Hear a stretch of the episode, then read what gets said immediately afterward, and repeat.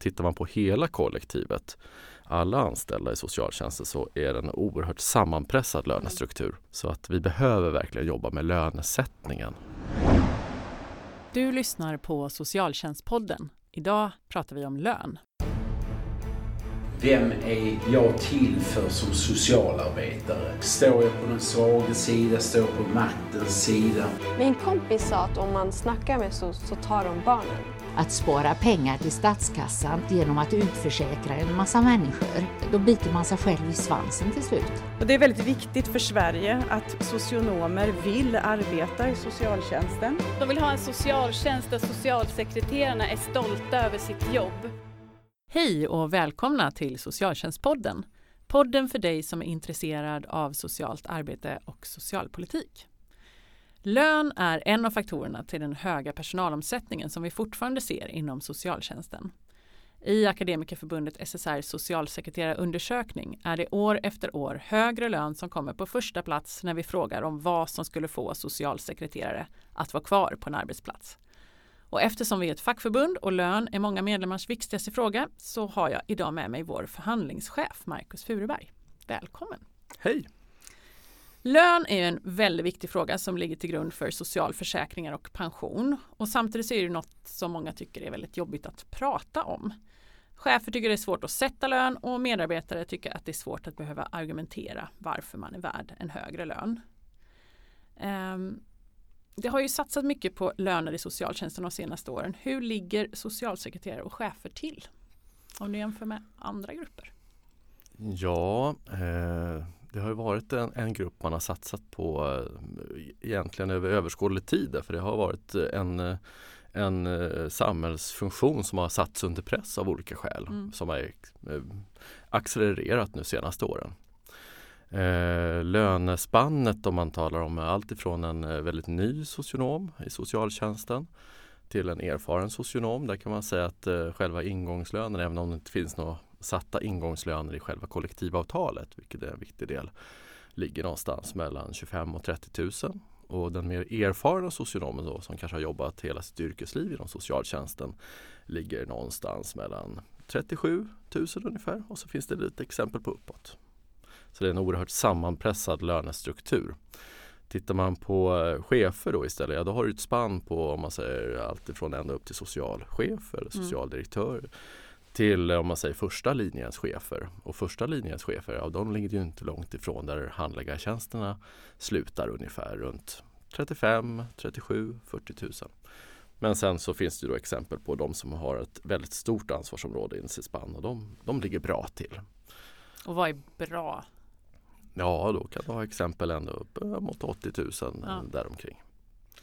Så att för socialsekreterare så där kan spannet egentligen vara mellan 30 000 för de som kommer direkt från Socialhögskolan till 37 för de som har jobbat i kanske 30 år. Ja, förenklat sagt och på vissa arbetsplatser kan det till och med vara så att det kommer en nyexaminerad men sen är det de som har jobbat kanske 5-10 år som ligger lägre i lön mm. än den som är helt ny och inte har någon erfarenhet alls. Så att just nu så har vi egentligen ganska stora problem med logiken i lönestrukturen hur det ser ut. Och tittar man på hela kollektivet, alla anställda i socialtjänsten så är det en oerhört sammanpressad mm. lönestruktur. Mm. Så att vi behöver verkligen jobba med lönesättningen i sektorn. Och det låter som det kan vara en anledning till att man tycker att det är svårt då som lönesättande chef. Att det är svårt med logiken när det kommer in nya som man måste ge högre lön än de erfarna. För annars kommer man inte kunna anställa dem. Så har det ju varit. Det har varit eh, man säger så kallade marknadskrafter har drivit ja. på i socialtjänsten och det har vi inte varit vana vid sedan tidigare. Men och jag tror att de flesta om man säger chefer egentligen från första linjens chef ända upp till socialdirektör skulle nog vilja använda en annan lönestruktur än den man har idag på, och sätta lön på ett friare sätt mm. om man kunde prioritera vad behöver verksamheten. Då tror jag att man skulle ha undvikit den om man säger enorma personalkarusell som man har idag. Och varför har man inte gjort det då? Jag tror att man har eh, fått en tilldelad ekonomi i ganska stor utsträckning. Där man inte då har fått budgetutrymme att kunna göra verksamhetsprioriteringar eh, på lönesatsningar. Nu har vi sett på sina håll att man har gjort strukturlönesatsningar utanför den vanliga löneöversynen. Och där tror jag att man har upplevt att det har varit bra för organisationen. Men oftast så tar man till lite för lite. Att det kanske redan är en oerhört sammanpressad lönestruktur. Och att man kanske är lite för snål och tänker lite för kortsiktigt när man gör det så att det räcker inte oftast till. Så att vi, har, vi har sett början på ett problem som jag tror att vi behöver jobba med en hel del. Mm. Men hur ska man då tänka om man har arbetat i några år och man eh, får ett nytt jobb? Eh, vad kan man begära då? Hur ska man tänka om man har jobbat en sex år som socialsekreterare och ska ha en liknande tjänst i en annan kommun till exempel? Tidigare har vi kunnat ge ganska exakta om man säger, säger uppfattningar. Dels har följt hur lönestatistiken, vilket vi gör idag, man säger årligen och då ser vi ju exakt man säger, hur lönestrukturen förändrar sig. Men det vi har sett nu det är att lönestatistiken hänger inte riktigt med. Nej. Att du kan ganska lätt byta lön genom att byta arbete och då kanske gå upp ganska kraftigt i lön om du går till ett kompetensföretag till exempel och sen eh, in i sektorn igen. Eh, och där märker vi ibland att eh, en del utav de som är anställda har lyckats kunna göra väldigt stora lönekliv. Men eh, jag tycker vi måste ju värdera om man säger kompetensen på ett tydligt sätt och redan nu tror jag att alla organisationer som vill anställa socionomer måste tänka på att ja, men det är klart att vi måste värdera den kompetensen redan från start, från examen. Mm. Och då tror jag man måste göra sin man säger, tjänst attraktiv för den och lönen är ju, hänger ihop med den. Låt säga att det kan ligga på 30 000 om vi säger så. Eh, då ligger vi nära statistiken som den ser ut idag. Alltså för, att, för en ny socionom? För en ny socionom. Ja. Och då måste man nog vända på eh, tanken då. Vad skulle vara den absolut skickligaste socialsekreteraren man kunde tänka sig? Men fortfarande en handläggartjänst. Mm. Vad skulle den vara? Ja, det kanske skulle vara upp mot 50 000, 60 000. Vi säger att man skulle kanske kunna dubbla sin lön inom yrket. Och då får man titta på hur ser lönestrukturen ut idag? Var ligger jag och vad är min erfarenhet värd och så. Och där tror jag man måste börja jobba lite grann. Hur, hur ser ansvarsområdena ut? Vilka ansvar har den som har då en gedigen erfarenhet, den har kanske ett större ansvar än en annan och då måste den lönesättas på ett annat sätt än resterande kollektiv. Så jag tror att vi måste börja jobba med ansvarsområden och tydliggöra dem så att vi kan belöna olika. Sen är det ju så som vår, vår löneavtal är konstruerat idag så är det ju prestationen mm. och då är det ju eh, dialogen mellan den lönesättande chefen och medarbetaren. Och det är klart, där vill ju medarbetaren veta vad ska jag göra för att få upp min lön. Mm. Och i det fallet så måste ju cheferna då möta upp i den diskussionen och säga det är klart att jag ser dig som en duktig medarbetare och jag vill behålla dig i den här organisationen. Men var är du nu? Och hur kan jag belöna dig rätt utifrån den struktur jag har? Sen tror jag man måste jobba då med HR i organisationen och se till kan vi skapa en attraktiv lönestruktur och då behöver man särskilt eh, avsatta medel för det, tror jag. För att kunna jobba mer dynamiskt med lönebildningen.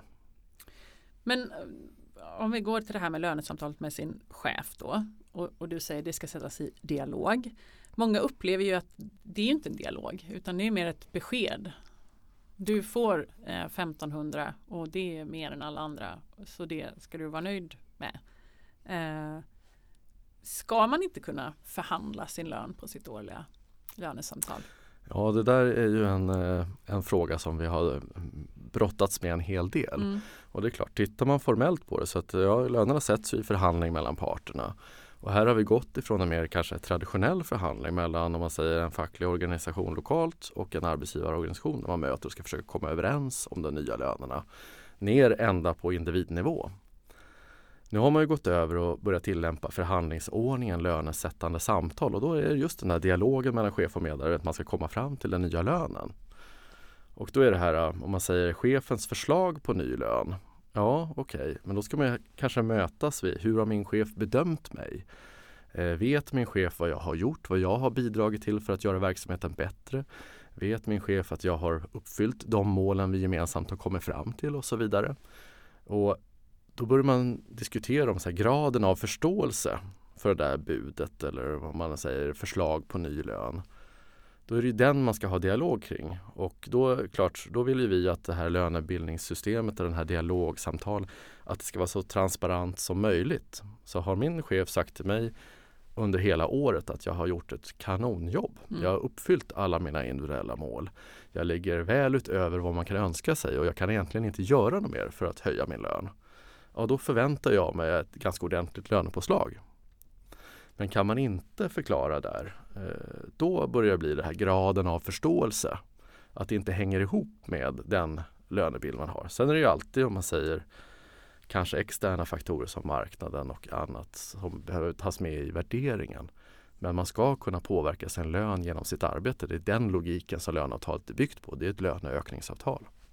Men det du säger nu är att jag ska ha, om jag har nått mina mål, det är ju först då att det ska ha, jag ska ha mål för mitt arbete som jag och min chef är överens om och som följs upp på lönesamtalet och som är grunden för vilket, vilket förslag eh, min chef ger. Eh, men så ser det inte heller ut överallt. Nej, jag tror att vi ser ett utvecklingsområde i de flesta organisationerna. Att man eh, Logiken i lönebildningsavtalet, ja det är klart att den börjar med en överlä överläggning mellan fack och arbetsgivare lokalt. Men då ska man ju börja diskutera hur ser prioriteringarna ut för verksamheten i stort. Men det ska ju bygga på egentligen individuella mål och den prestationen som var och en har gjort i mm. slutändan. Mm. Då måste ju de lönesättande cheferna ha varit involverade i om man säger, hur ser löneökningsbehovet, analysen av löneökningsbehovet i den, på den arbetsplatsen och den kommunen till exempel. Så att, eh, att de lönesättande cheferna är med och säger hur mycket pengar behöver jag för att kunna behålla och attrahera rätt kompetens till den här organisationen. Det blir en väldigt viktig fråga. Och sen måste ju självklart om man säger lokala facket vara på frågan också. Mm. Vilken lönestruktur tycker vi att det ska se ut här lokalt? Och sen behöver ju fack och arbetsgivare lokalt titta hur kan vi nå samsyn över behovet av förändring av strukturen? Och där kan man ju titta nu om vi har en personalomsättning som varaktigt ligger på ungefär 30% per år och därutöver i vissa fall. Ja, då har vi en lönestruktur som bidrar till personalrörlighet och det jag tror att de flesta organisationer behöver nu koncentrera sig på. Hur får vi en attraktiv lönestruktur så vi kan bryta den här negativa kompetenskarusellen som vi har. Så det är en sak som man som arbetsgivare behöver tänka på att har man en personalomsättning som har pågått under flera år eh, då behöver man också tänka vad kan vi göra åt lönerna är en del i det här. Lönerna är absolut en del och du inledde ju eh, i din eh, ingress om man säger. Det är våra medlemmar som är kvar eh, som jobbar som socionom i, i, offentlig sektor kan man säga. Vad säger de? Vad är det som får dem att skulle vilja byta jobb eller mm. funderar de på att byta jobb? Då vet vi att sju av tio funderar på att byta jobb idag. Och då vänder man på frågan, vad skulle få dem att stanna kvar? Då är det överlägset högre lön som är det viktigaste. Sen kommer givetvis arbetsbelastningen. Men arbetsbelastningen hänger också ihop med lönesättningen vill jag säga. För den organisation som ligger varaktigt på en för hög personalomsättning den får också hög arbetsbelastning både vad det gäller att chefer behöver fokusera väldigt mycket på rekrytering mm. och du har också en del av de erfarna handläggarna som behöver vara mentorer åt nyanställda. Och du får ett kompetensglapp ofta som tar energi från organisationen. Eh, sen kommer också ledarskapet in i det och klart om cheferna är helt fokuserade på rekrytering, ja då kommer inte de kunna finnas tillgängliga för verksamheten på samma sätt. Så att jag tror om man säger lönestrukturen kommer vara en sån här viktig del om vi ska kunna få lugn och ro och börja jobba ordentligt. Så det är inte någonting som man bara kan jobba med när man under de månaderna där man sätter lön och har lönesamtal? Nej, jag tror att eh, de arbetsgivare som tänker sig att vi ska vara en attraktiv arbetsgivare och locka till socionomer eh, behöver tänka på hur tänker vi när vi tar emot en nyexaminerad socionom? Mm. Vad är viktigt då? Ja, givetvis en bra mentor och bra förutsättningar så man kan komma in och rätt utbildning och så. Men sen också, vad finns karriärmöjligheterna för den socionom? Hur får vi den att stanna i fem år och sen kanske kunna gå vidare i karriären, kanske få en specialistsocionomtjänst Eller alternativt om man hellre är intresserad av ledarskap och intresserar sig för chefsfunktioner. Så jag tror man måste bygga en kompetensförsörjningsstrategi, eh, självklart på ett kortsiktigt perspektiv, men även under lite längre år. Och vad krävs då? Mm. Och då tror jag att vi behöver titta på, om man säger möjligheten till att göra lönekarriär inom yrket kommer vara en viktig del. Därför idag så väljer man då istället att byta. Och det finns egentligen ingen belöning att stanna kvar. Nej. Så att jag tror att vi behöver verkligen visa på att det lönar sig att stanna kvar och utvecklas inom yrket. Då kan man göra lönekarriär. Och då är den här löneskillnaden mellan en nyexad och en mer erfaren socionom på bara några få tusenlappar alldeles för lite. Det är för lite incitament till att stanna kvar och utvecklas i yrket. För det blir som en signal till de nya att eh, här tjänar den som har mest 3000 mer än mig. Här kommer det inte vara. Här kan jag lära mig grunderna och sen får jag gå vidare för, om ja, jag vill ha upp min lön. Jag tänker så och det är den signalen vi får ifrån våra medlemmar som är studenter. Mm. Att kommer jag till en arbetsplats och lyckas få en bra ingångslön på kanske 30 000 och sen den som är min mentor kanske ligger på 28. Ja, nej, det... Får jag den signalen då att här värderar man erfarenhet och kompetens och man kommer satsa på mig de kommande fem åren. Men det låter ju som att det som händer i mitt lönesamtal med min chef det är ju också, beror ju på vad som har hänt mellan det lokala facket och arbetsgivaren och hur min chef har lyft behovet av löneökningar i min arbetsgrupp och vad det har fått för gehör i ledningsgruppen för socialförvaltningen och ifall min socialchefen har lyckats få ut extra pengar för att satsa på socialsekreterare i den, hela den kommunala budgeten. Ja, tyvärr får vi ju ibland signaler från våra medlemmar. Det spelar ingen roll om det är en chefsmedlem eller en, en annan. Hade jag bara velat så hade mm. jag gärna gett. Och det är ett ganska dåligt svar. För det är klart om man säger ja, men vill vi bryta den här situationen vi har nu, då måste vi se till att jobba på. Och då är det klart, givetvis måste arbetsgivaren internt jobba med hur kan vi skapa en attraktiv lönestruktur så att vi faktiskt får lugn och ro mm. i personalomsättningen. Men även för den enskilda.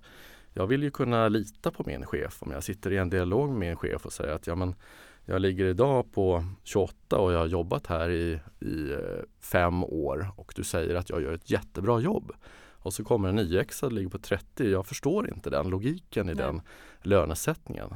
Eh, vad kommer du att göra som min chef för att jag ska ha en annan lön? Finns det ens möjligt att göra ett bättre jobb för att påverka min lön eller tvingas jag till att byta jobb? Det är den dialogen som jag tror att man behöver ha en annan beredning för än vad vi har idag. För att idag så, så blir den en, ofta den enda utvägen är att ja, men ska jag få upp min lön så har det blivit. Med flera tusen lappar. Ja. Då behöver jag gå någon annanstans. Ja, det finns exempel på där man kan ha gått till ett kompetensföretag och sen kanske man redan veckorna efter kan bli uthyrd till samma arbetsplats ja. med en annan lönestruktur och kanske en annan arbetsbelastning också till och med. Så det finns extremexempel här som kanske inte är det som gäller gemene man. Men vi har ett problem med lönestrukturen. Den bidrar till om man säger, en, en otrivsel just nu som inte är bra. Mm. Men om man inte är nöjd då med sin lön som man har fått besked om i lönesamtalet, vad, vad kan man göra då? Förutom om man liksom ändå säger, men jag vill vara kvar. Eh, vad har jag för möjligheter som anställd och medlem i facket om jag vill få upp min lön trots att chefen säger att ah, det är 1500 som gäller? Ja, dels så handlar det väl om att dels ha en omvärldsbevakning. Vad betalar andra i den här funktionen? Hur ser mm. lönestrukturen ut? Sen tycker jag också att man ska prata med sin, med sin närmaste lönesättande chef och se hur ser hon eller han på den här strukturen? Om eh, var kommer jag att finnas om jag är kvar här och satsar på det här? Och vad finns det för möjligheter för mig? Lönekarriärmässigt eller yrkesmässigt? Eh, och kan man göra en gemensam framstöt där? Sen är det givetvis, det är ju det här som facket har jobbat med hela tiden. Vi har ju dagligen ett antal samtal till SSR Direkt där vi har den här rådgivningen där vi både har marknadslönerna i regionen och i hela riket och kan också coacha för att gå vidare. Och sen inte minst Arbetsplatsföreningen. Vi tror ju att absolut att man som lokala parter kan vår eh, Akademikerförbundet SSRs lokalförening komma överens med arbetsgivaren? Kan vi jobba gemensamt med den här frågan? Kan vi teckna ett lokalt eh, karriäravtal? Mm. Eller kan man, hur jobbar vi med lönestrukturer? Eller för den delen yrkesfunktioner. Det kan vara specialistsocionomtjänster som vi vet finns i ett antal kommuner. Och det, det genererar ju också möjlighet till yrkesutveckling och lönekarriärsutveckling. Så att, för det som gäller i själva lönesamtalet är eh, om jag inte, jag behöver inte vara nöjd med min lön men jag ska förstå varför jag får den lönen jag får. Eh, så då är det att gå på själva transparensen och logiken i Absolut. min chefslönesättning. Precis, det ska ju brytas ner till egentligen och vad man säger, jag ska kunna påverka min lön genom mitt arbete. Mm. Så att man ska, det ska vara förutsägbart vad som genererar mer lön. Vilket resultat man ska uppnå. Sen är kanske det liksom att dra det hårt, ibland kanske inte alltid är lätt att sätta så tydliga mål.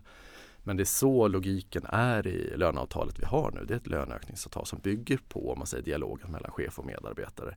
Och det är klart, då måste den lönesättande chefen också få förutsättningar mm. att ha dialogen på riktigt. Och då tror jag att man behöver ha en annan process kring analysen utav löneökningsbehovet i organisationen. Och där tror jag eh, vår lokalförening och arbetsgivaren kan jobba betydligt bättre tillsammans för att kan vi verkligen ta ett strukturerat tag om det här lokalt. Och se lite längre än bara den längre. här löneöversynen som vi nu är mitt i och bara ska Nej.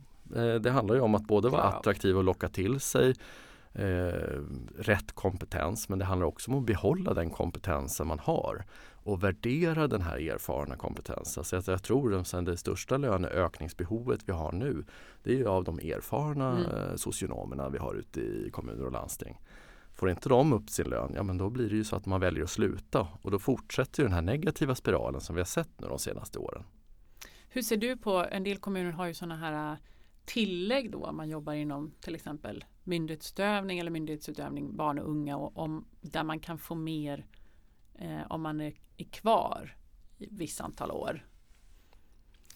Eh, jag vet ju att man har jobbat med lite olika modeller. En del har gjort om man säger en kompetenstrappa. Mm. Som, och det kanske är det du menar med tillägg. Eh, där man har haft, eh, har jag stannat här, har jag jobbat här i fem år, ja då får jag ett, eh, utöver den vanliga löneöversynen 2000 extra. Har jag jobbat i eh, ytterligare två år så får jag ytterligare 2000 och så vidare. Eh, och det är klart, det är ett, ett arbetssätt att eh, jobba med en lönestruktur mm. och belöna om man säger att stanna kvar. Precis. Eh, och det är bra. Sen är ju det lite stelbent och egentligen är det ju prestationen man ska, då, tapp, då man ska har man styra. ju erfaren, eller hur länge har man varit på den här arbetsplatsen men inte vad är det man gör. Ja, så egentligen skulle inte det behövas om de lönesättande cheferna fick fullt, fullt ut förutsättningar. Men nu har man inte riktigt klarat av det. För vi vill ju att om man säger att den här erfarna ska belönas mycket mer och att också att det finns en signal för den som kommer ny att här kan jag stanna så och verkligen utvecklas mm. i yrket. Det här är en om man säger, professionell organisation där det finns förutsättningar att verkligen gå på djupet och uh, göra en viktig samhällsfunktion. Så att uh, där tror jag att det, det är ett verktyg. Eh, sen kan man ju också, finns det ju tillägg om man säger som att man vissa, då har arbetsgivaren kanske värderat vissa handläggartjänster man säger, de som jobbar med den här handläggartjänsten de får ett lönetillägg på 2 500 till exempel. Ja, då har ju arbetsgivaren tydligt värderat en typ av handläggartjänster som man kanske haft problem med personalrörlighet inom till exempel. Ja, det är ju ett annat sätt. Det jag egentligen tycker det är väl att man ska värdera grundbefattningen. Mm. Om man säger, vad är det vi, hur värderar vi det här arbetet? Och vad är typ de lägsta kvalifikationerna man kan ha för det? Och sen sätta en så här, det här belönar vi, eller det, så här lönesätter vi nyexaminerade i den här funktionen. Och sen ska vi kanske titta, gör alla, om vi nu tar titeln socialsekreterare, vad gör en socialsekreterare? Är det ett och samma yrken? Alla socialsekreterare eller finns det olika socialsekreterare? Gör vi en olika värdering för olika grupper? Och finns det möjlighet, vad är det vi uppfattar som det svåraste? Om det nu finns ett sånt. Mm. Hur värderar vi den? Och hur ser vi till att det är där vi har de allra mest erfarna? Ja men då ska vi betala dem betydligt bättre då i sådana fall. Så att det blir en signal att det här behöver vi den allra mest erfarna kompetensen. Och riktigt där är vi ju inte riktigt idag. Och Nej. sen tror jag också att även inom, om sig oaktat vilken inriktning man talar så tror jag att det behöver bli en större skillnad mellan en oerfaren och en erfaren. Mm. Så att du kan stanna kvar och jobba med din inriktning och fördjupa dig och du belönas utifrån hur skicklig du blir. Och att man också kan få göra nya saker, få nya arbets, nya ansvarsområden inom ramen för att vara socialsekreterare. Absolut. Så att man inte måste byta jobb för att få nya erfarenheter. Nej. Men tack så jättemycket Max för att du har delat med dig av hur man kan tänka eh, både i sitt årliga lönesamtal men också eh, hur man behöver tänka liksom, på kommunnivå. Om två veckor då är vi tillbaka och då kommer professor Maria Eriksson hit för att prata om hur vi kan förebygga att barn utsätts för våld. Och tills dess, tack för att du har lyssnat.